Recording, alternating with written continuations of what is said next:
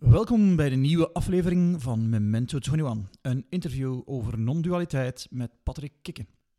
Als je denkt dat ik een radiostem gekregen heb, heeft te maken met het feit dat Patrick een ex-Nederlandse DJ is van de lokale radio. Dit is aflevering 97. We naderen dus met rassenschreden nummer 100. Wat mag je verwachten in aflevering 98? Mijn analoge tools doorheen mijn dag. Aflevering 99 is een interview met de echte Guido. En aflevering 100, onze jubileumaflevering, gaan Steven en ik na over de lessen die we leerden doorheen de voorbije twee jaar dat we deze podcast deden. Maar nu over naar de agenda van de dag. Een interview met Patrick Kikken, een Nederlandse radio-dj die gebeten werd door het non-duale virus. De podcast werd opgenomen in de mancave van Patrick op zolder. En voordat ik uh, de opnames mocht starten, kon ik nog even naar zijn Ego-museum. Wanneer non-dualiteit je niks zegt, join my club. Tot zes maanden geleden was het woord niet in mijn bewustzijn verschenen.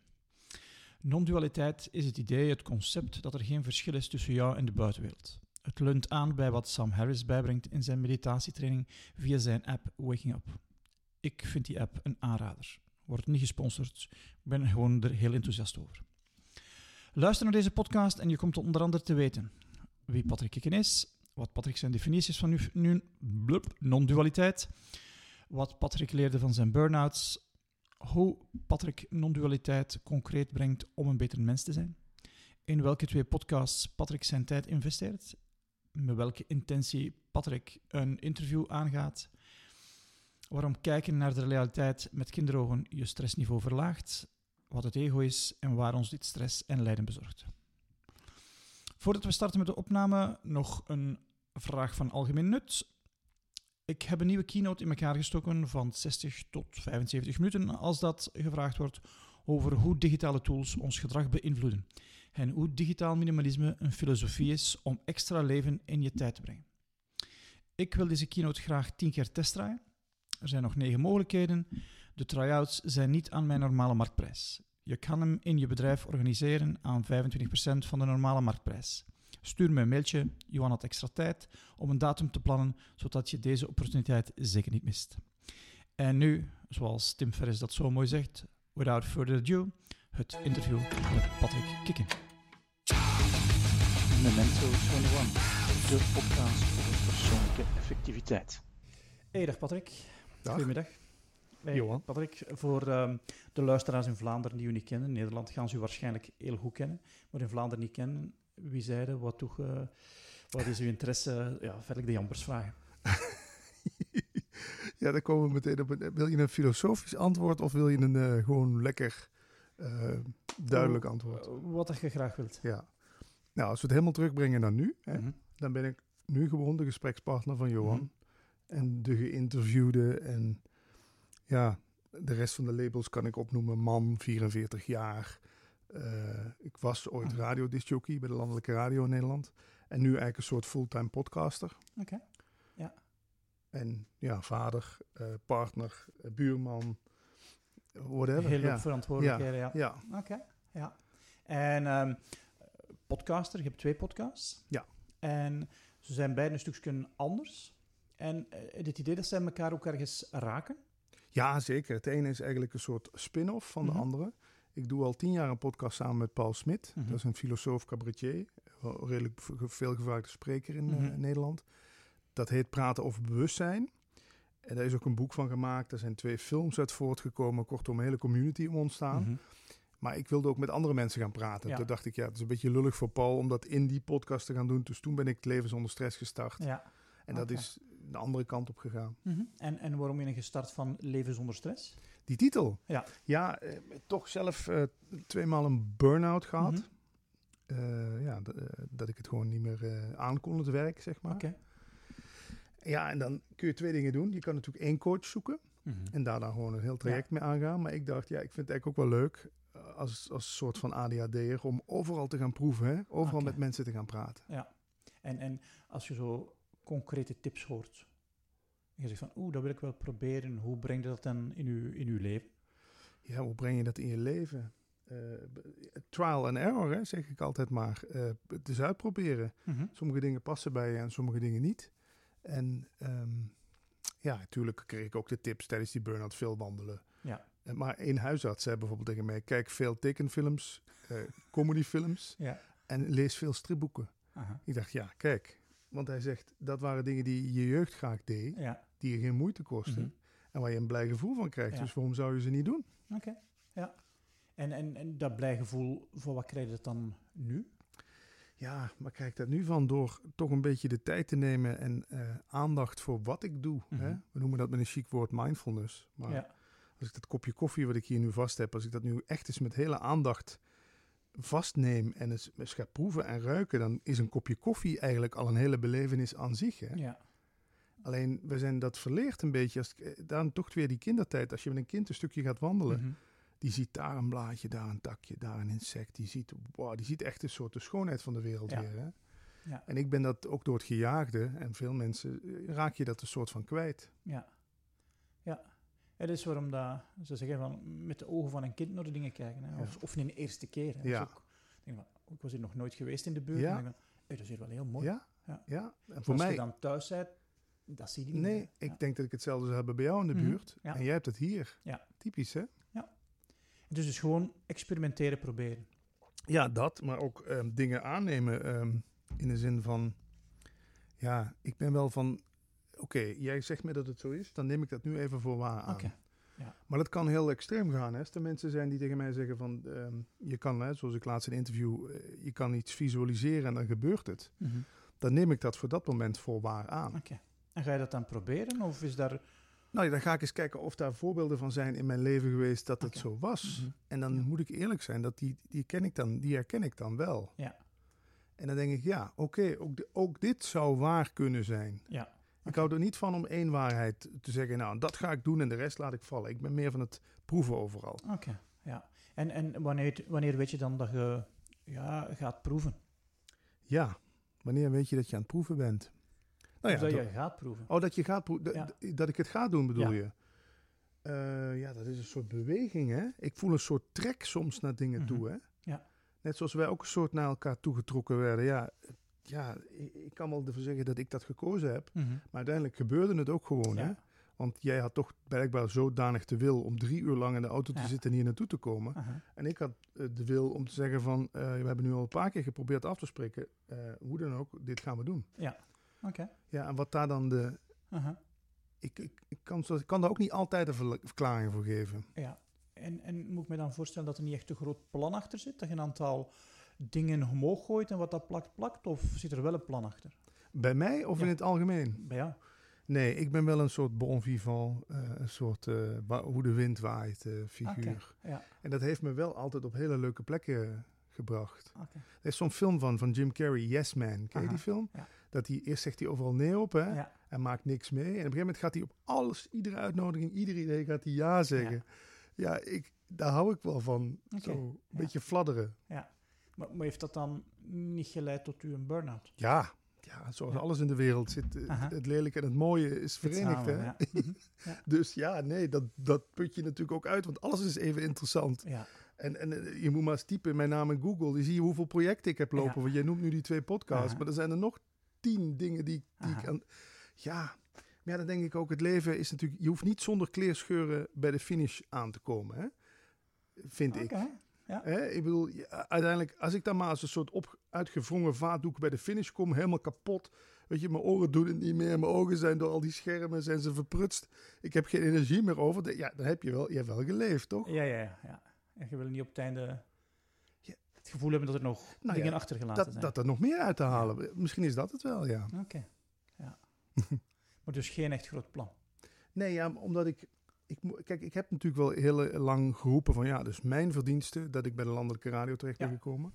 Want ik was in de jaren negentig zo slim om met cd te so- solliciteren... in plaats van een, met een bandje. En daardoor viel ik op. Maar uiteindelijk moet ik ook eerlijk zeggen... dat soort dingen zijn ook een soort lot uit de loterij, hè. Ja. Want heel veel mensen willen bij de landelijke radio werken. Mhm. het, is maar, het is er maar een paar gegund. Ja. Ik ben wat bescheidener geworden in te zeggen van... dit was mijn doel en dat heb ik bereikt. Omdat, ja, daar komen we natuurlijk bij het ego.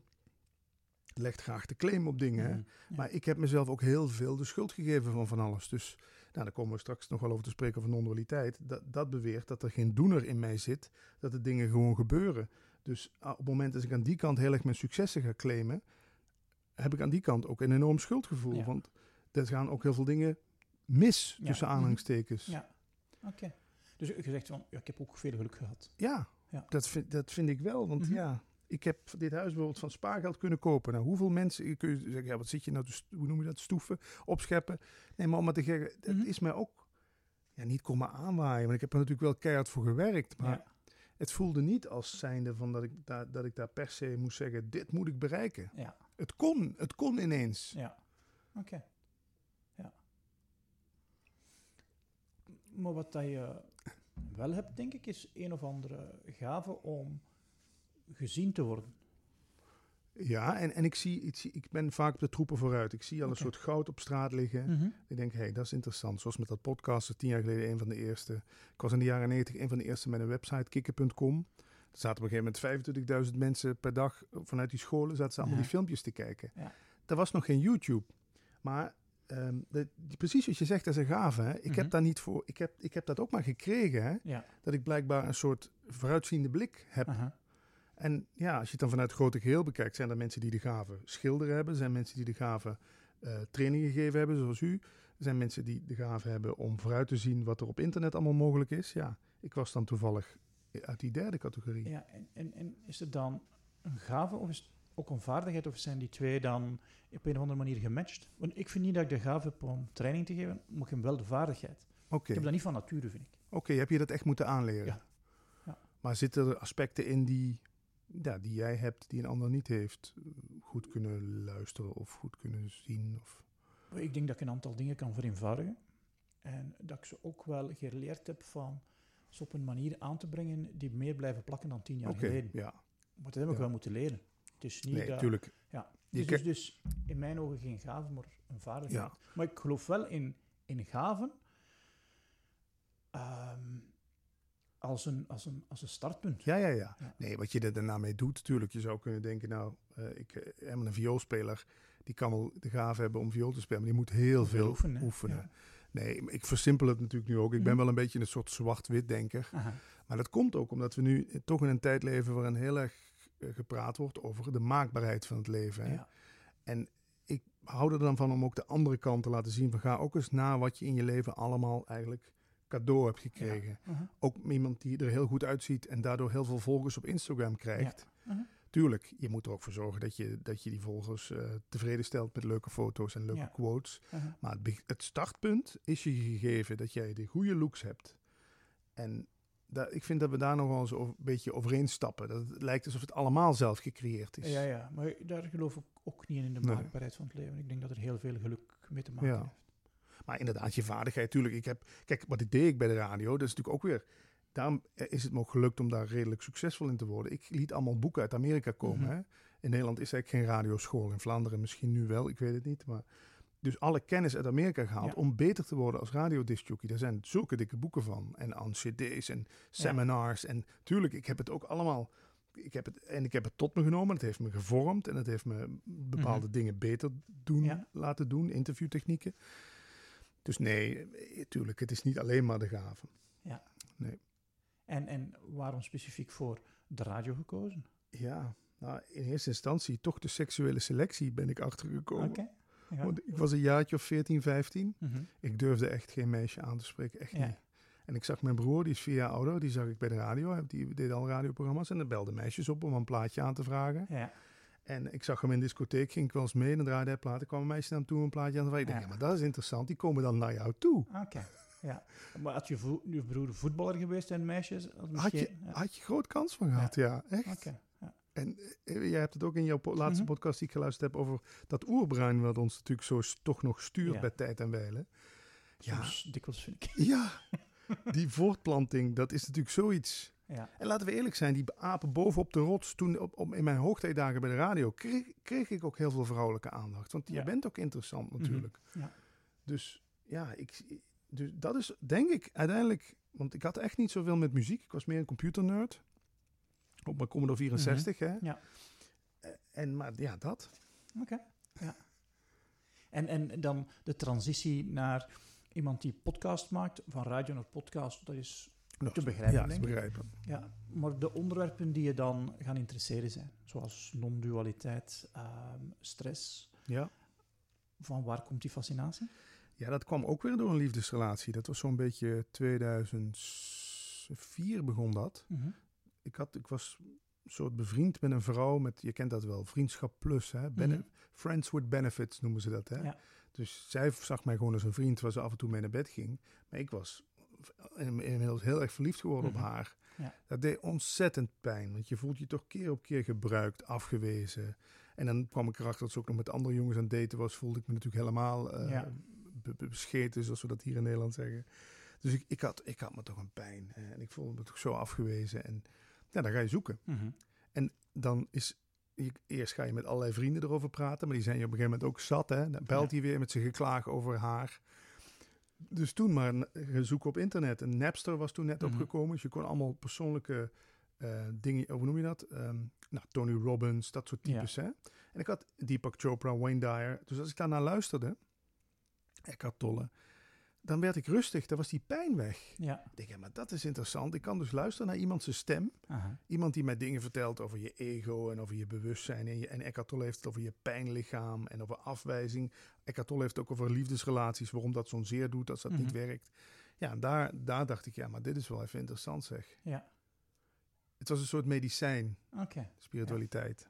Ja. En als je non-dualiteit zou moeten omschrijven voor een leek zoals mij. Want ik, ik, kan, ik, ik kan het helemaal niet vastpakken. Ik wil, eh, Ja, het is voor mij een soort werkbaar model, zeg ik altijd. Mhm. Het is eigenlijk de wereld 180 graden anders bekijken. Mhm. Kijk, wij zeggen nu gewoon een normaal eh, Vlaams of Nederlands. Ja. Jij en ik zijn nu naar een zolder toe gegaan. Ja. Wat zeiden de oude Indianen al? De zolder verscheen in jou. ja. Mhm. De wereld verschijnt in jou. Ja. Jij bent nog nooit ergens naartoe geweest, Johan. Johan, het lijkt alsof Johan nu 300 kilometer gereden Ja. heeft om hier naartoe te komen. Maar Jo- dat wat Johan in essentie is, reist nooit, Ja. is, is vormloos, is tijdloos, is, heeft niks te maken met ruimte. Zit dit een soort van, deze wereld een soort van te aanschouwen? En daar verschijnen allemaal een soort diaplaatjes in. Hè? Net zoals je vroeger zo gelijk zo'n diaprojector had. Hè? Ja. Of zo'n, ken je dat apparaat nog waar je op klikte zo? Klik, volgende dia. Viewmaster. Viewmaster. Klik, klik, klik, Mhm. klik, klik, klik. En zo Ja. verschijnt de hele tijd van alles in ons. Mhm. Ja, non-dualiteit verwijst daarna. Dat is een soort ou- eeuwenoude filosofie uit India. Het heet daar Advaita Vedanta. Eh, ehm, eh, ja, dat het dus eigenlijk maar... De wereld is één verschijning. Ja. En wij denken dat we een losstaand poppetje zijn. Een Johan en een Patrick. Hè, dat het zal ook wel weer uit het oerbrein komen... dat het toch handig is om te weten dat de tijger en jij iets anders zijn. Mhm. Want anders ga, ga je gewoon zo liggen. Ja, eet me maar op. Want we zijn toch één, hè? Ja. Dus ja, en die non-dualiteit verwijst dus naar die, naar die eenheid der dingen. Of in ieder geval naar die verschijning in jou. En dan kom je bij het volgende. Waarom heeft me dat zoveel in die tijd zoveel geholpen? Ja. Ik was natuurlijk heel erg mezelf met een zweep op de rug aan het slaan. Dit heb ik fout gedaan. Ik had nooit aan dat meisje, eh, nooit met, dat meisje in moeten laten. Ik had Ja. nooit dit moeten doen. Ik had een enorme berg schuldgevoel. Hè? Ja. Mhm. En als er dan een filosofie voorbij komt die zegt... Je bent niet schuldig, want je hebt nog nooit iets gedaan. Het verscheen allemaal in jou. Ja. Ja, wauw. Dan kan je even die zware zak met stenen eventjes parkeren. Hè? Ja. Het is dus een manier om die pijn te, niet te voelen. Of... Daar moet je voor opletten. Ja. Want in de eerste instantie kan, dat noemen ze, hebben ze ook een naam voor, de Advaita Shuffle. Dan ga je dus alleen maar denken, nou, ik hoef niks te voelen. Mhm. Het is toch niet echt allemaal. Het is allemaal maar een verschijning. Eh, Wat ik ben zit veilig aan de andere kant te kijken Ja. naar dit alles. Nee, dat is natuurlijk ook, dat Mhm. noemen ze spirituele bypass. Daar, daar loop je in het begin wel tegenaan. Want het ego vindt dit fantastisch. Ja. Je denkt, hé, hey, maar we hoeven niks meer te voelen. We hoeven nergens meer verantwoordelijkheid voor te nemen. Ja. We kunnen gewoon zeggen, het gebeurde gewoon. Oh, ik heb die vrouw van de fiets gereden. Het gebeurde gewoon. Nee, Ja. ja, zo, zo was het maar zo makkelijk. Hè? Ja. Want uiteindelijk speelt zich ook in de, dit verhaal hier pijn af en verantwoordelijkheid en gevangenis en straffen. Mhm. Maar het idee dat, dat zich dit afspeelt en dat je dus niks hoeft te verwerpen, dus ook niet pijn, eh, langzaam begin je daar wel weer aan te wennen of zo. Mhm. Ja. En, en aan de praktische kant, hoe gebruik je dat dan? Is dat dan een mentale overweging of is dat... eh, Ja, het, het, ze zeggen dat is een soort oud weten of zo. Hè. Ja, ik, ik kan, ik, ik, ik weet, merk wel, als ik hierover praat, dan word ik daar helemaal zo geenthousiasmeerd Aha, door en ja, zo. Je ziet dat ook. Ja, ja, ik kan dan echt denken, oh, maar dat is zo'n een soort, ver- soort schat die je teruggevonden hebt. Mhm. Die je als kind, want als kind, ik kijk dan toch weer naar de kindertijd. Als kind hadden we toch ook allemaal zoiets van, eh, ja, weet je wel, we renden naakt door de, door de, door de speeltuin of zo, of Mhm. door het zwembad, dat maakt allemaal niet uit. Het is ook tot een jaar of drie heeft een kind helemaal geen ik-besef. Ja. Je kent die filmpjes op internet. Mhm. Er staat een kind voor de spiegel en is aan het zoeken van, huh, wie is dat? Ja. Dan, vanaf een jaar of drie, begint dat ego, dat ik-besef zich te ontwikkelen. Ja, en dan begint, tussen aanhalingstekens, de ellende. Want Mhm. tot, tot een jaar of drie mocht je als kind alles. Hè? Je gooide alles om, poepen, plassen, Ja. alles was prachtig. Hè? Overal werden foto's van gemaakt. Allemaal, oh kijk eens hoe schattig. En ineens kom je onder voorwaarden te staan. Is het ineens jouw schuld Ja, dat dat potje omviel? Waar is die die doener. gemaakt, ja. ja, wanneer is die doener dan in dat kind gekomen? Als die er niet met één jaar in zat, waarom zit hij er met elf jaar dan wel in? Ja. Ja, dat zijn, ik vind dat hele interessante vraagstukken. En ik zeg ook absoluut niet dat non-dualiteit de absolute waarheid is. Maar ik merk wel, het geeft me zoveel plezier om daar, om daar überhaupt mee bezig te zijn en over te praten. Ja, en is dan een manier om mentale ehm, ja, uitwerking van ideeën te hebben? Of, want ik, Ja? ik, ik snap van, verdorie, ehm, een geluid neem ik waar. Dat Ja. was er niet, of dat was er wel. Ja.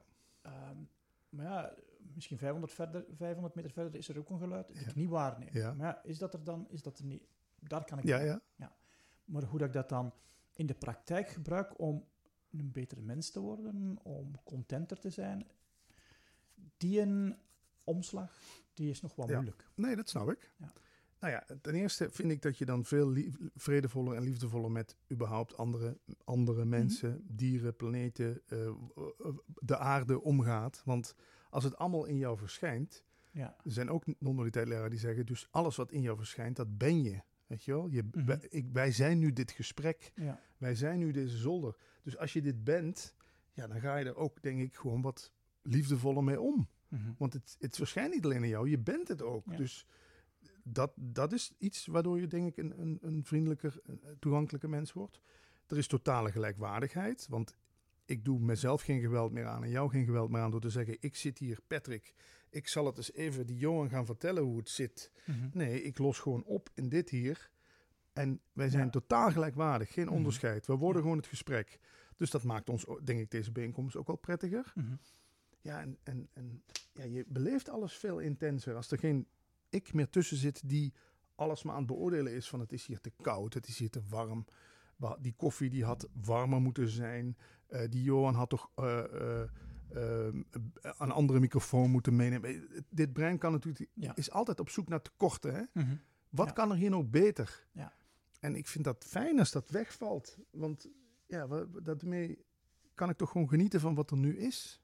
Ja, en langs de andere kant is het ook fijn dat er wel is. Dat Dat geeft ons dat dat brein Ja. mankement is, ook anders is er geen vooruitgang. Nee, tuurlijk, maar het is er een soort Dus, van... eh, Ze ze- eh, eh, ik heb wel eens gehoord ergens, we hebben de dienaar de baas laten worden. Mhm. hè?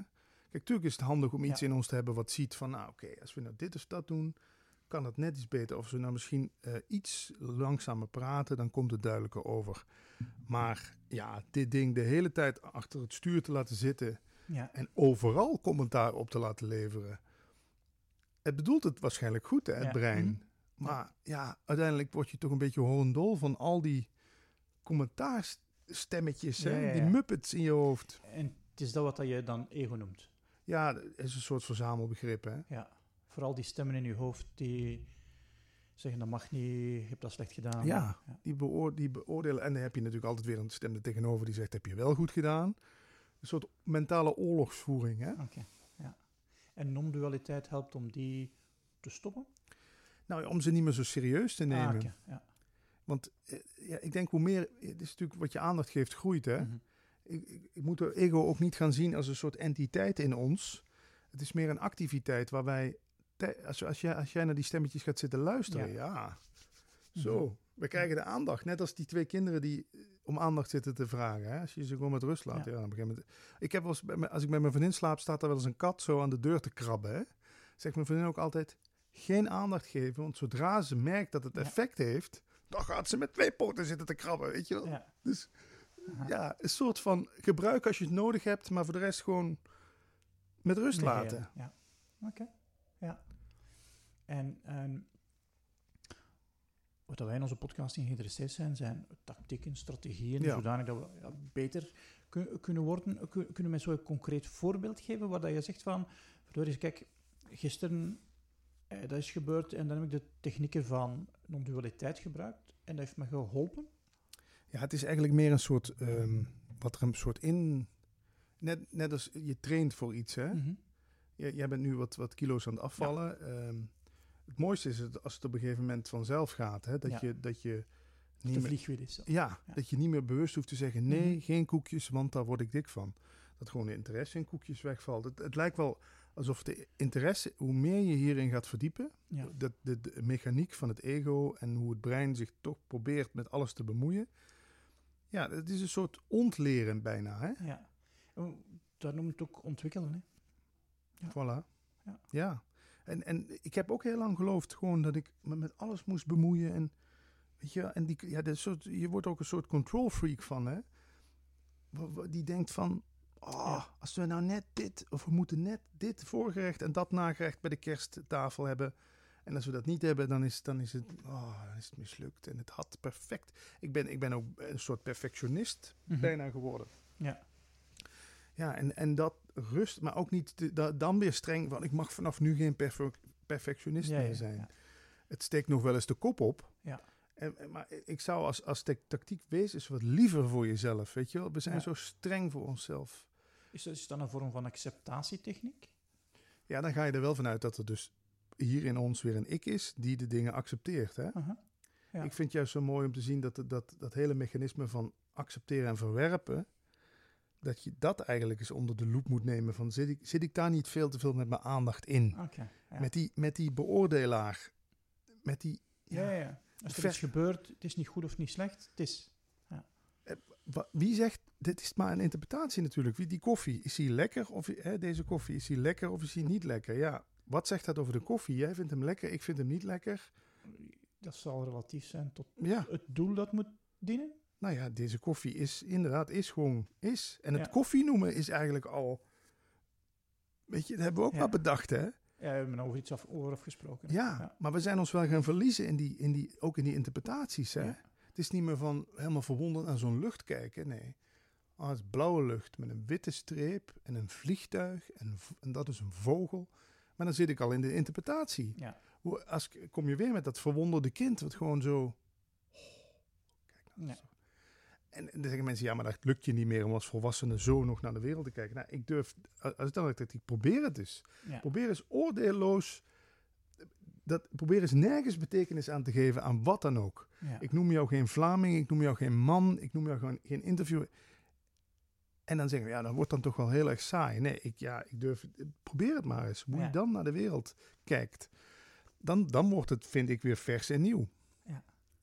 Het is wel grappig dat je noemde, dat is ontstaan vanuit het Indische. En Ja. dat, ik ben heel hard met de Stoïcijnen bezig, dat, dat vanuit het Westerse ja, heel hard op gelijkt. Ja, En Ja. Een van de, de boeken die heel hard geïnspireerd is, Ego is the Enemy. En dat is, dus, dat is ook wat jij aan het zeggen Ja. bent. Hè? ja, alhoewel ik daar ook pas naar mee op, want hoe meer je je tegen het ego gaat verzetten, Mhm. dan krijg je weer dat met die kat die aan de deur staat te krabben. Ja, Eigenlijk gewoon nul aandacht. Eh, alleen maar, eh, of het gewoon, voor, voor- gewoon, eh, je hoort het en ook geen reactie op geven.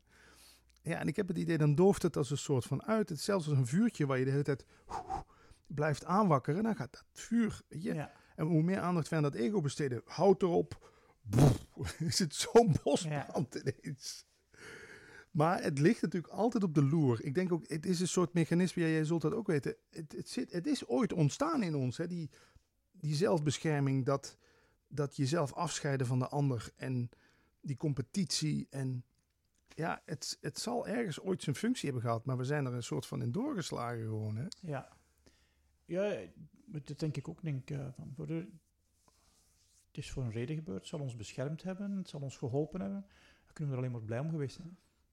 Ooit, maar welke angsten? Hè? Feitelijk, wat, waar moeten we nu dan nog angstig voor zijn? We hebben volle Ja. koelkasten. Ja. En dan gaan we, maar, gaan we maar irreële angsten verzinnen. De buurman zei mij geen goeiemorgen vanochtend. Ja. Die buurman is tegen mij. Mhm. Ik moet mij verdedigen tegen de buurman. De Ja. volgende keer zeg ik hem ook geen goeiemorgen. Ja.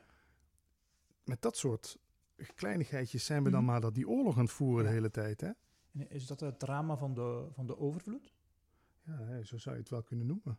We hebben, we hebben eigenlijk, waar, waar- moeten wij ons nu nog echt druk om maken? Mhm. Dan hebben we geld, want geld en tijd zijn zo'n beetje de favoriete speeltjes van het ego, heb ik wel eens ergens gelezen. En dat voelt ook echt zo. Dan gaan we maar verzinnen dat we geen tijd hebben of zo. Hè. Of Ja. dan gaan we maar verzinnen van, oh, ik kom deze maand niet uit. Oeh, weet je wel. Ja. Je hebt een auto, een huis, weet ik wat je allemaal hebt. En dan niet denken van, nou, nou dan, dan rijd ik een keer wat minder auto. Of ik zeg eens een keer een afspraak af. Nee, altijd kijken uit tekort, hè. Altijd. Ja. Ah, ja, op, op die manier, ja. En terwijl er toch zoveel overvloed is. Maar dat vindt het ego... Kijk, als je het dan ego tot, tot een poppetje wil maken... dat Mhm. vindt het ego natuurlijk... Het ego wil helemaal niet horen dat er geen schuldige is. Dat vind ik zo mooi aan Cursus in Wonderen. Je kent het boek, hè? Mhm. Dan zeggen ze gewoon... schuld is een soort van de... Ja, de, de basis waarop het ego überhaupt kan functioneren. Mhm. Eerst jou tot schuldig verklaren... Ja. en dan zelf zoiets zeggen van... ik ga jou wel helpen om eh, het weer goed te doen. ja, schuld en schaamte. Ja, Ja. een beetje alsof het de kerk, de kerk in het klein, hè? En zou dat dan zijn omdat, omdat we liever in de status quo blijven? En status quo bedoel je Niet veranderen? Ja, nou ook dat natuurlijk. Zolang je met, met dat soort zaken bezighoudt. eh ja. Ja. Ja, want als ik me over iets schaam, ga ik het niet tonen. Ja. En dan kan ik er ook niks aan doen. ja, en dan leg je ook de schuld buiten je. Ja. Een soort van, nee, nee, maar dat... Het is met een baas die me te veel werk geeft. Ja. Logisch dat ik... eh, ja, dat ik zo niet- ben. Ja. ja. Ja, nee, ja, zouden we maar eens eh, inderdaad gewoon verantwoordelijkheid nemen. Want dat non-dualiteit lijkt wel alsof je de verantwoordelijkheid helemaal wegschuift zo. Ja. Maar het is eigenlijk volledige verantwoordelijkheid nemen over wat er nu is. Ja. Dus Eckhart Tolle zegt dat zo mooi. We zijn, het ego houdt zich natuurlijk ook het liefst bezig met toen Mhm. en straks. Hè? Ja. Niet met nu. Daarom heeft hij het zo over de kracht van het nu. Als wij nou met z'n tweeën volledig verantwoordelijkheid nemen voor dit. En maken hier gewoon even in taal dan, hè, want het is weer een ik die iets maakt, maar het mooiste van. Mhm. Maar het ego is bezig, ja, maar straks moet Johan terug en dan staat hij misschien in de file. Ja. En wat denkt hij dan wel niet van mij? Dat ik hem zo lang aan de praat gehouden heb. En eh, ja, we zouden toch eigenlijk vorige week afspreken. En we, zit je weer in dat verhaal, hè? Ja. Verwijten, Mhm. want hoe schuldiger ik mij voel, hoe meer ik jou natuurlijk ook ga Ja. verwijten. Want dan kan ik even mezelf niet de schuld geven. Ja. Hè? Mhm. Als ik te veel praat. mijn gedachten, maar nu, nu ben ik het kwijt. Ehm, maar hoe doe je dat dan, hè? In het nu zijn? Ja, feitelijk kan je natuurlijk niks anders. Ja. Als, je daar, als we even vanuit gaan dat tijd niet bestaat, hè, dat dat ook maar gewoon een Mhm. verzinsel is, Een afspraak die we Ja. gemaakt hebben. Ja. dan is het gewoon nu. Ja. Dan- en Maar waarom verdienen er dan zoveel goeroes mee om ons aan te platen dat we niet moeten zijn? Ik weet het, ja. het, ja, het is ook eigenlijk absurd om te zeggen, je probeer meer in het nu te zijn. Ja. En dan ga je dan vanuit dat er een iemand is die ergens moet zijn. Waar dan? Want er zijn natuurlijk ook non-dualiteit leraar. Ja, als je erin gaat verdiepen, dat is zo fascinerend. Die gewoon zeggen, er is ook geen locatie. Het lijkt wel alsof wij nu hier zijn. Maar feitelijk is, dat, is het ook maar een idee. Hè? Ja. Ruimte en tijd en, en locatie. Ja, ik, ik vind dat... vind geweldig fascinerend. Ja, maar, wat heb je eraan? vast ja, nee. Ja, en Ja. ja. En, ja, hoe kan ik dat dan concreet gebruiken? Nou ja, Ja. het is in ieder geval eens goed om er eens weet van te hebben. Want Mhm. vind ik tenminste, als je toch op een gegeven moment... Ja, als je Ja. toch van iets weet, dan, dan kan je... Dan, ineens zit je zo eens naar iets te kijken en denk je... Ja, wat zit ik hier nu weer voor een drama van te maken of zo, weet je wel? Of, Oké, ja. eh, of wat... Kan ik er ook eens gewoon een beetje... Paul, Paul Smit, met wie ik die podcast Praat over Bewustzijn doe, heeft het over uitzoomen. Iets uitzoomen zo, weet je. Iets naar achteren gaan. En het is even aanschouwen als zijnde dit één schilderij is. Wat van alles ge- ge- gebeurt en beweegt. Ja. En, en dat jij een soort schouwend bent zo. Ja, ik, bij mij overvalt me dan meteen een soort rust gewoon, ja. Ja. Als het dat al als effect heeft, dat is toch Mhm. wel heerlijk. Ja, ja, absoluut. Ja, ja, ja. Zo, het idee van, ja, ik zou kunnen juist zijn, maar ik zou kunnen verkeerd zijn. Ik weet het niet. Ja. Ja. En dat het zo moeilijk te vatten is, natuurlijk ook, eh, we proberen het tot een begrip te maken. Hè? Mhm. Ja, en er zit weer grijpen. feitelijk is dit ook niet te, dit is eigenlijk niet te grijpen. Hè. Wij denk, wij, doordat wij het allemaal labels hebben gegeven, denken we dat we er een soort vat op hebben. Hè. Mhm. Want nu weet ik dat dit een bank is. En dan is dat concreet voor mij. En dan weet ik ook wat ik met een bank kan doen. Daar kan ik op zitten. Ja. Ja, handig. Ook voor, ja, in het begin zo voor een kind. Mhm. hè, dat hij weet dat hij op de bank gaat zitten. Of, maar, ja, en, maar daar de hele tijd in wonen, in die begrippenwereld. Dat is toch, ja, wat, wat heb je? Ik bedoel, wat, dat is toch droog. Dat is toch saai. Dat is, ja, ik kan En- daar, ik kan daar, ik, ik was daar op een gegeven moment wel klaar mee. Ik, wilde, ik wilde gewoon weer meer vanuit het gevoel leven en, en me laten verrassen, als het ware. Oké, ja. Dus de verrassing was voor jou belangrijk. Ja, Het de verwondering, de... Ja. de, ja. en, en het, ik ben natuurlijk van kinds af aan wel dat ik altijd al dacht, ja, jullie vertellen me dit nu allemaal wel. Dat ik een ik ben, hè? dat ik Patrick ben, dat ik een jongen ben. Dat vind ik ook zo mooi in die beweging die nu op gang, gang is van die mensen die transpersonen zijn. Hè? Die Mhm. zeggen, ik wil niet al als kind gedefinieerd worden als jongen of meisje. Ja. Dat beperkt mij. Ik wil mezelf gewoon kunnen ontplooien zoals, zoals het voelt goed is. En als ik de ene dag mannenkleren aan wil trekken, de andere dag vrouwenkleren. Ja. En dat zie je ook kinderen, die, jongens die met Barbie spelen, meisjes die met autootjes spelen. Ja. Maar langzaamaan worden die toch in een hoek gedreven. Hè? Nee, nee, nee, jij bent een meisje, jij, jij hoort niet met autootjes Ja. te spelen. Een jongen al helemaal niet met Barbies te spelen. Ja, ik, vind- ik vind dat soms wel eens triest. Dat, dat je dan... En ik heb, dat, ik heb me daar ook altijd als kind al tegen verworpen. Weet Ja. je? Ik, ik wilde niet in hokjes gestopt worden. Ja. Ja, om ergens bij te horen, Is ook een menselijke behoefte natuurlijk. dan Maar- wel in een hokje Ja. geduwd. Hè. We worden beïnvloed door, door Zeker. anderen. Hè. Maar op een gegeven moment, hè, jij kent ook de cynici, hè? Mhm. die zijn dat gaan uitproberen. Hè? Ja. Die zijn, geloof ik, naakt op straat gaan rondlopen daar. Om een soort onafhankelijkheid te, nou, ik weet niet, te claimen of bewijzen. Maar in ieder geval te laten zien, je gaat niet dood als je niet Mhm. bij de grote gemene deler Ja. hoort. Mhm. En dat was voor mij bij de radio ook. Ik heb best wel veel commentaar gehad dat ik over dit soort dingen ging spreken. Hè? Patrick gelooft in spoken. Mijn vader zag een boek van Eckhart Tolle. Die zei, Patrick is lid van een Duitse secte. Ja.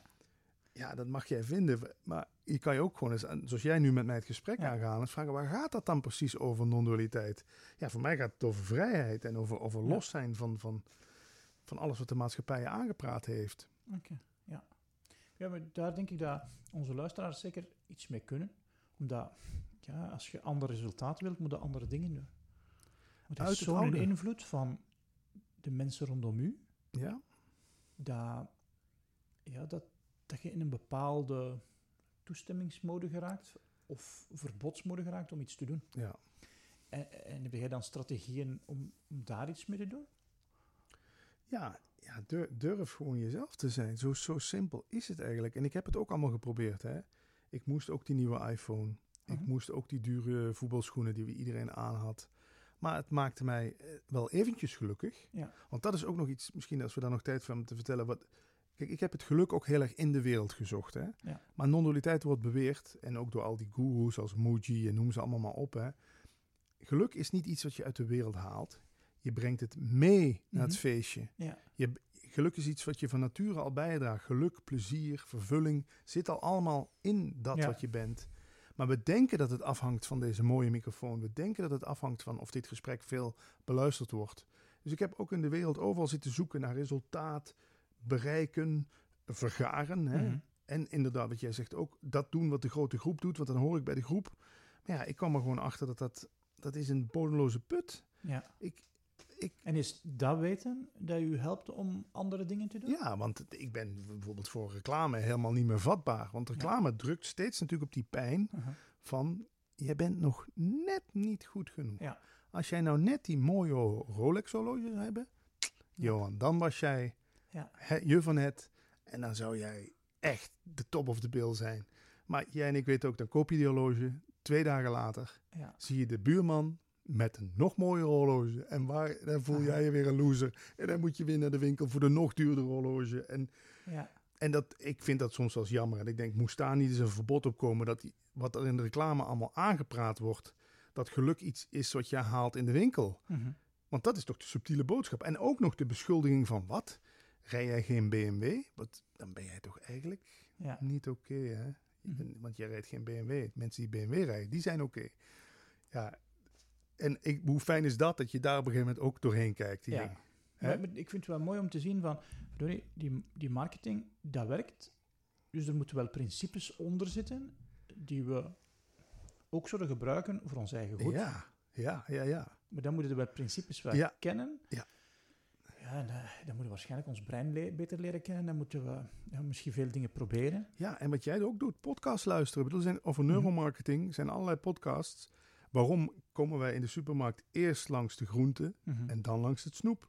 Omdat we kopen groenten, voelen we ons goed over onszelf, Ja. zijn we eerder geneigd om snoep te kopen. Ja. Dus natuurlijk, we, we, we zijn een soort willoze pop, poppen die daar in die supermarkt gedirigeerd worden door de wetten van de neuromarketing. En ja, als je dat inderdaad door gaat krijgen, wordt het leuk. Trap je er dan nooit meer in? Jawel, want ik, ik trap er ook nog wel eens in. Want je bent inderdaad niet sneller dan wat, wat er hier geprogrammeerd zit natuurlijk. Ja. Maar je gaat het wel doorkrijgen. En als je moe bent, dan zijn die programmaties zijn Eh, weer ja, overhand. en- ja. ja. Ja. Oké, dat is wel grappig. Ik heb, ik heb 18 jaar voor een grote retailer gewerkt. In Ah, dus je kent alle trucjes wel. Ja, ik ken toch wel een aantal Ja. trucjes. Ja. En ook niet voor, ik veroordeel dat ook niet, Mhm. hè, want ik snap het vanuit hun ook wel. Zij Ja. denken ook van hoe meer omzet we maken, hoe gelukkiger we worden. Maar als je doorkrijgt dat daar het geluk net niet, niet in zit, ja, waarom zou je dan nog mensen proberen van alles aan te smeren? Ja. Maar moeten we dan mensen beschermen of moeten we ze dan leren om eh, zichzelf beter te leren kennen? Ik zou voor dat laatste gaan, want Mhm. ik, ja, ik kan maar wel zeggen, ja, de overheid moet, moet daar iets aan doen. Nou, gelukkig hebben we al in Nederland, in Vlaanderen ook is, als je dus een advertentie hebt voor, eh, haal nu voor 0 euro een nieuwe telefoon, Mhm. dan komt daarna de mededeling, let op, geld lenen kost geld. Ja, Hè? ja. Dus ik zie het gelukkig al en ze zijn heel erg bezig met geen advertenties meer rondom kinderprogramma's Ja. voor bepaalde eh, snoep. En, en dus eh, het is natuurlijk een bepaalde weerloze groep die nog geen toegang heeft tot podcasts of de boeken, hè? dus de, kinderen of de. Mhm. maar ja, ja, nee, het moet wel vanuit jezelf komen. We moeten inderdaad niet zeggen de wereld of de regering moet dat doen. Ja, maar zou er ook een deel mensen zijn die daar niks mee hebben met zelfontwikkeling en, en beter willen worden? En, Ja, die, je, je kan zeggen twee dingen. Je kan zeggen die worden in slaap gehouden, hè, of die Mhm. houden zichzelf in slaap. Ja. ik heb daar ook wel eens over zitten nadenken. Kijk, vanuit non-dualiteit gezien is, is, is alles tussen aanstekens perfect. ja. Dat is ook alweer een label, hè. Mhm. Kijk, want er is ook een, een stroming waar ik in het begin... In non-dualiteit zijn ook nog allerlei stromingen. Hè. Je hebt een neo-advaita, je hebt... Maar je hebt ook een stroming die zegt, ja, maar dat moet er zijn. Kijk, als er, alle, als er alleen maar wakkere mensen zouden Mhm. zijn, kan niet. Moet balans zijn. Ja, dualiteit. Ja. Zonder, als de hele wereld blauw zou zijn, nog maar eens de kleur blauw aan. Mhm. Er moet ook een andere kleur zijn. Dus er zijn mensen die zeggen, ja, er moeten dus ook mensen zijn die wel heel erg geloven in de maakbaarheid van het leven. Die geloven in, als ik iets koop, word ik gelukkig. ja. Dat is die, Omdat de slinger af en toe terugslaat. ja, yin-yang. Ja. Ja. Ja, ik, ik, maar dan, als je hier in het begin mee in aanraking komt, heb je het zin om dit van de daken te schreeuwen. Kom toch eens kijken hier. Ja. Hier ligt een soort oplossing voor blijvend geluk. Maar ja, dan kom je ook van een koude kermis thuis. Want Ja. Heel veel mensen willen gewoon weten dat die willen gewoon zaterdagavond naar de film, uit eten, zondag seks, maandag weer naar je werk. Dit is, is wat ze kennen, hè? Ja. Dat voelt een soort van veilig, soort veilige gevangenis zo, hè? Ja. Zo de gevangenis zo'n beetje leuk aankleden met een Ikea-bankstelletje en een schilderijtje. Ik ben hier content mee, ik hoef niet uit de gevangenis. Het is toch zo'n beroemd verhaal van die mensen die in de grot opgesloten zaten in Frankrijk. Ehm, het Franse leger wilde ze bevrijden. Hè? Die Mhm. me- Mensen wilden er niet uit. Ja. Ze wilden er niet uit. Ze wilden in die grot blijven. Ja. En ja. Dus Ja. ik ben ook niet op een missie of zo. Ik vind alleen, ja, ik vind het heeft mij heel veel vrijheid en rust en, en plezier gebracht. Dus, en ik ben eindelijk eens af van, van het altijd maar willen en moeten en die drang tot Oké. grijpen. En, en van, zo, dat stukje heb ik nu ik heb opgelost. Het Oké. heeft me geholpen om contenter te zijn. Ja, Wat is het volgende dan waar je mee bezig bent? ja, wat is het volgende? Nou ja, ik merk dat. Waarom dat ik dat vraag is om, omdat ik denk van, als je wilt vooruitgaan, Ja, is er altijd een Meer- volgende ja, ja, ja. Dus dat brein die zegt van, het kan nog beter, het kan nog beter. ja, ja ik, in feite ben ik wel met een boek bezig van Leven zonder stress. Omdat ik, ik vind het leuk om dit op, op Mhm. subtiele manier op plekken te krijgen waar je het niet zou verwachten. Want ik, ik heb dat woord non-dualiteit ook maar een keer gehoord tien jaar geleden. En daar eens op gaan googlen en zo. Dus dat vind ik leuk om zo af en toe eens ergens dat te verstoppen of zo in de Mhm. wereld. Ja. Ook nu met jou over te praten. Nou, al zijn er drie mensen die dit horen en die daardoor denken: wauw, dat is interessant, daar ga ik me eens in verdiepen. Mhm. Dat vind ik al leuk. Maar dat is dan heel altruïstisch voor de anderen. En voor de ander, ja, maar, ik, voor, voor jou? ja, ik denk hoe minder je met jezelf bezig houdt, hoe gelukkiger je wordt. Ik ben echt een soort. Ik ben tot mijn 35ste ook heel erg hier met dit bezig geweest. Je hebt mijn Ego Museum Mhm. gezien beneden. Presteren, presteren, laten horen dat je er bent. Ja. Maar op een gegeven moment kom je erachter dat het geven en, en iets bijdragen. Dus ik ben inderdaad heel veel voor anderen ben ik bezig. Ja. Dat, maar ja, op de een of andere manier vervult dat toch ook zo. Ik, ik heb altijd al gehad, ik gaf liever iets weg dan dat ik iets kreeg. Maar ja, dus voor me, ik, er is eigenlijk geen. eh, Dit, deze podcast gaat over persoonlijke effectiviteit. Hè? Mhm. Maar wat als de persoon nou eens doorzien wordt als zijnde maar een concept Mhm. waar je niet per se. Mee, je kan ermee bezig zijn, Ja. natuurlijk. Maak de mooiste persoon Ja. die je bent. Maar Mhm. uiteindelijk ben je met het masker bezig. Hè? Ja. Het woord persona komt van, uit het Grieks, masker. Ja. Iets wat we opzetten. Vroeger hadden ze dat nodig, zodat ze te horen waren. Dat, er, dat het geluid, kwam. ja, geluid Mhm. versterkt werd. Ja, je mag met die, met die persoon bezig zijn, tuurlijk. Maar ik ben erachter gekomen, je kan die persoon, daar kan je tot Sint-Jutemus, kan je daar mee bezig zijn en versterken. Het zal jou niet die vervulling brengen die je uiteindelijk echt wil van binnen. Die contentheid van ik ben, ik ben goed genoeg, ik ben niet schuldig, ik, ik, ik doe ertoe, ik, eh, eh, ehm, ja, noem allemaal Zo die basale Ja, dingen die we nodig die hebben. behoeftes. Ja. Mhm. Alleen we denken dat het, ja, we zijn hiermee bezig. hè. Ja, Ja. oké. Ga je gang. En ik veroordeel dat ook niet. En misschien is het ook wel, er wordt wel eens gezegd tot je 35, 40. Ik weet niet of jij dat herkent. Het is een soort natuurlijk proces. Mhm. En vanaf je 40 begin je jezelf toch vragen te stellen. Ja, is dit nou? Moet ik Ja. niet toch eens gaan kijken wat er achter dat masker zit? Of Ja. is er meer? Is, is dit alles wat ik ben? Eh, zo, Het ja. heeft met kilometers op de teller dan ook een. Ja, ja, ja, ja, ja. Oké, ja. En als er zo nog één ding is dat je zegt van, je, dat zou ik aan mezelf willen veranderen. Wat zou dat dan zijn? Dan gaan we er even vanuit dat ik, dat ik hier iets over te zeggen heb. Hè? Ja, nee, tuurlijk. Dan worstel ik ook met de Ja. dingen als afvallen. Ja. Ehm, eh, ja, de, de afvallen is zo'n beetje het enige, denk ik. Nou ja, mijn ogen gaan dan wat achteruit, ben ik erachter. Maar ja, ik, ik, ben- ik ben niet meer zozeer met de omstandigheden bezig. En ik merk hoe meer ik me mee... Ik vind altijd zo'n mooi voorbeeld. Als ik hier een pukkeltje heb hè, op mijn kin. Vroeger als, als 14, 15 jaar ging ik zitten duwen en plukken en trekken, want die pukkel moest weg. Had ik zo'n bult op mijn kin, hè, een week Mhm. lang. Terwijl had ik het met rust gelaten, Ja, dan was het binnen twee dagen weg had geweest. niemand gezien. Ja. Dus ik, ben, probeer, ik probeer me zo min mogelijk met dit ding. Oké, ja, dan ben je 10 of 5 kilo te dik. Kijk, ik kan me bij u nog voorstellen, je staat veel in zalen en zo. Sta je over persoonlijke eh, eh, effectiviteit praat je. Ja. ja, als je dan 120 kilo bent, dan denken mensen ook, ja, hallo, je hebt het over discipline. Ja, En wat, dus ik, maar voor mij, ja, ik heb dan misschien ook de luxe, ik zit hier gewoon achter die microfoon en dan, dan ben ik 10 kilo te dik. Ja, ik eet nou, ik snoep nou eenmaal graag, ik ga nou eenmaal graag uit eten. Ja. Ik kom uit Limburg, Nederlands Limburg, daar is natuurlijk altijd iets gezelligs, iets lekkers op tafel. aha. Dus Ja. nee, ja, wat, wat, jij, jij doelt natuurlijk op een doel, hè. Wat, wat, wat, wat, wat heb ik nog op de agenda staan eigenlijk, Mhm. hè? Ja. Nee, ja, maar e- als we eerlijk zijn, hè, kan het best zijn dat ik morgen niet meer wakker word, hè? Dat Als je heel eerlijk bent, en dat geldt ook voor u, hè? Ja, dat kan. Het is ook allemaal maar weer een soort zekerheidjes inbouwen. Ja, dan gaan we op vakantie, dan is het kerst. Eh, dan ga ik zorgen dat ik een miljoen op de bank heb. En, maar we hebben er feitelijk niks over te zeggen of we überhaupt de, of, als, of dit de laatste ademhaling was. Ja. Zo fragiel, kwetsbaar is het leven, maar we denken dat we het hè, kunnen verzekeren van van alles. Ja, ik weet niet of we het kunnen verzekeren, maar ik wil wel, zoals jij er alles uitgehaald hebt. Ja, ja, ja, nee, tuurlijk. Ja. Nee, maar als je toch met een, maar dan, maar daarvoor hoef jij dus niet, denk ik, een reis naar de maan te maken. Nee. Dat- Ik heb wel een aantal gedragingen waar ik van denk van, oh, als ik daar iets kan aan doen, ja, dan wordt Ja. mijn bijdrage toch wel groter. Oké. Ja. Maar ja, maar, dat, maar ik heb het idee, hoe minder je daar toch geforceerd mee bezig Mhm. bent, Ja. hoe meer je dat zo, zich, ik noem altijd, zich laat uitspelen. Ik heb een tijdje inderdaad, ik ben een tijdje koopverslaafd geweest. Hè? Mhm. Ik heb dat laten uitspelen, doordat ik op een gegeven moment vanzelf achterkwam, ja, dat kopen, dat gaat jou geen vervulling brengen. En toen viel die koopverslaving van mij af. Ja. En dus ik, kijk, ik ben toch meer op zoek gegaan naar waar komt die... Wat ben ik aan het vermijden? Wat, Ja. waarom? Ik voel me slecht, ik ga kopen. Dan kan ik denken, ik moet van die koopverslaving af. Nee, nee, nee. Ik moet naar de oorzaak. Waarom voel Ja, ik me slecht? Dan Mhm. valt... Hè, dat, want dat eten, dat kan natuurlijk ook een soort copinggedrag worden. ja. En heb je de strategieën om dat te weten te komen? Waar de oorzaak zit. Ja. Is, of is het zo, eh, enkel soul searching dat je dan doet? Of, eh, Ook eens, eh, ja, ja, hoe kom je daarachter?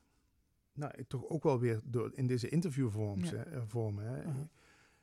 Ja, met andere mensen praten. Dan, je herkent zoveel van de ander. Hè. ja. Het gaat natuurlijk over jou, wat je Aha, herkent. Hè. ja, ja. Dus ik heb, wel, ik heb ook veel mensen geïnterviewd voor de podcast Leven zonder stress. En daar is me ook heel veel duidelijk geworden. Dat bijvoorbeeld perfectionisme, daar kwam ik pas achter toen ik een vrouw interviewde over perfectionisme. Mhm. Hoezeer dat ook in mij zat. ja. En hoezeer ik daar jarenlang ook onder geleden heb. Dat, en die, dat boek heet Prima is perfect. Dacht ik, ja, maar bij Prima was ik nooit tevreden. Ja. Maar dan moest ik voor eerst met die vrouw toch in gesprek gaan. Dus ik zou zeggen, proef ja. van van alles. Spreek met mensen. ja, luister podcast, ga het gesprek aan. Belevenissen. Ja, Maar het is niet dat je gaat... eh, ik, zou iets, ehm, ik heb een sessie ayahuasca gedaan. ja, En daar, op een of andere manier, heb ik daar ervaren... Het is werkelijk allemaal een grap. ja, Dus waarom zou ik me druk maken? ja. Dus dat maakt voor mij bijvoorbeeld makkelijker om me minder te Ja, enerveren. ja, ja, ja. Maar Het dat is ook een manier. dat is ook een Nee, strategie. ja, daar ben ik te scheiterig voor, letterlijk en figuurlijk, eh, ayahuasca. Mijn vriendin, mijn vriendin heeft het wel gedaan en die, is, die heeft ook een paar mooie inzichten gekregen. Ja. En mediteren en een, een stilte retreat. Het kan, het- ik ben meer, ik ben, het is ook wat... Meer van het mentaal. Ja, en, en het onderzoeken. En ik ben van nature een soort verkenner. Ja, En ja, dus, maar uiteindelijk leiden denk ik alle paden, ayahuasca, meditatie, onderzoek, zelfonderzoek, leidt allemaal toch denk ik tot datzelfde punt. Ja, maar dat geloof ik ook. Ik, bij het bedrijf waar ik gewerkt had, zeiden ze... Ontwikkeling, wat is dat? Dat is een grote gang met allemaal deuren. En je moet juist de deuren vinden die bij u past. Ja, En dat komt dan op dezelfde, Ja. op dezelfde plaats uit. je probeert eens wat. En we- wees Ja. ook niet te streng voor jezelf. En wees blij dat wij nu in een tijd leven dat we niet inderdaad... Want als je hier een paar honderd jaar geleden over gesproken had, was je op de brandstapel gegaan. Hè? Ja. Ik bedoel, Ja, maar daar zouden we niet mee bezig geweest zijn. Hè. Dat was overleven. nee, nee, was overleefd. Het is ook natuurlijk wel de luxe die we nu hebben, dat we er überhaupt de tijd voor Ja. hebben. Hè? Aha. op, een- op een, eh, wat is het, woensdagmiddag, dinsdagmiddag hier zo over te praten. Anderen moeten inderdaad hout hakken, want anders is de kachel uit vanavond. Hè? Water gaan halen. En, als je niks te drinken, dan denk je van... Ja, hebben toch wel Ja. heel veel geluk. Hè. Maar nog, en dat wordt in de normaliteit be- be- beweerd, hè, we hebben het over mind en bewustzijn. Als je er nou vanuit gaat dat dit één bewustzijn is, hè, Mhm. waar we allemaal een soort van op aangesloten zijn met, dit, met deze ontvanger, hè, Mhm. want dit ding ontvangt gedachten, dan heb, draagt dit gesprek weer toch iets bij aan het collectieve bewustzijn. Mhm. Ik bedoel, ik wil mezelf nu niet spe- specialer maken dan ik ben of jij, maar als je er nou vanuit gaat dat het, één grote, het internet is ook één grote informatiebron. Ja. Wij, door dit gesprek zetten wij nu weer iets op het Mhm. collectieve internet. Ja. Letterlijk, want dit gesprek, Mhm. we dragen iets bij aan het collectieve bewustzijn. Dus het is, het is net zo goed waardevol voor diegene in, in, in Frankrijk die nu daar op het strand dit ligt te Mhm. luisteren. Ja. Die zit hier feitelijk nu ook al bij. Ja. Snap je? Mhm. Dus Ja. om maar te zeggen van, het lijkt misschien, ik hoor wel eens van mensen zeggen, ja, wat is dat toch egoïstisch, zelfonderzoek en zelfontwikkeling. Ja, maar uiteindelijk kom je erachter, je doet het niet voor dit poppetje alleen. Ja. Je doet het voor een soort collectief. Ja, ja. Als ik, ik eh, minder chagrijnig ben, dan hebben de mensen rondom mij er veel meer aan. Ja, Ja. precies. Nou, dat is voor mij de nummer één reden waarom ik ook altijd op de radio was. Ik had het idee, als ik 's ochtends op de radio een grapje maakte, kwam degene binnen, het deed net wat leuker tegen de receptioniste. Mhm. Die deed weer net wat leuker tegen diegene aan de telefoon. En zo dat Ja. sneeuwbaleffect. En dat heb ik met die podcast ook. Er hoeft maar één iemand te zijn die daardoor lekkerder in zijn vel zit. Doet leuker tegen zijn kinderen. Ja, Ja, fijn hè? absoluut. Maar ik Ja. denk dat een goede is om op te eindigen. Hè? ja. Zou jij nog iets willen vertellen, onze luisteraars? Patrick? Nee, ja, eh, eh, onder, blijf onderzoeken. En, Ja. en, en eh, één advies zou nog kunnen zijn, leg je niet neer bij één waarheid. Want ik, toen ik dat minoriteeit ontdekt had, ben ik op een gegeven moment ook dvd's van Scientology gaan bestellen. Ik wilde, dat, ik wilde eens kijken, waar zijn, wat zijn de raakvlakken? Ja, Ik ben me gaan verdiepen in ehm, conspiracy theories van mensen. Ik wilde het van alle kanten zo eens een beetje... Dus ga Ja. niet, grijp je niet vast aan één ding. ja, Dat zou mijn advies zijn. Ja. Want dit, dit is niet, non-dualiteit is niet de ultieme waarheid. Het is maar een vingerwijzing naar iets wat waar zou kunnen zijn. Ja. Het is niet omdat we van idee verschillen dat we niet alle twee kunnen gelijk hebben. Het, het is en-en. Mhm. En, en bestempel mij ook absoluut niet als non-dualist. Want dan ga je me weer proberen in een soort... Mhm. Ik ben gewoon een liefhebber van het leven. En nou, dat non-dualiteit daar op een andere manier naar kijkt... daar kan ik alleen maar blij van worden. Oké, dankjewel. Jij ook?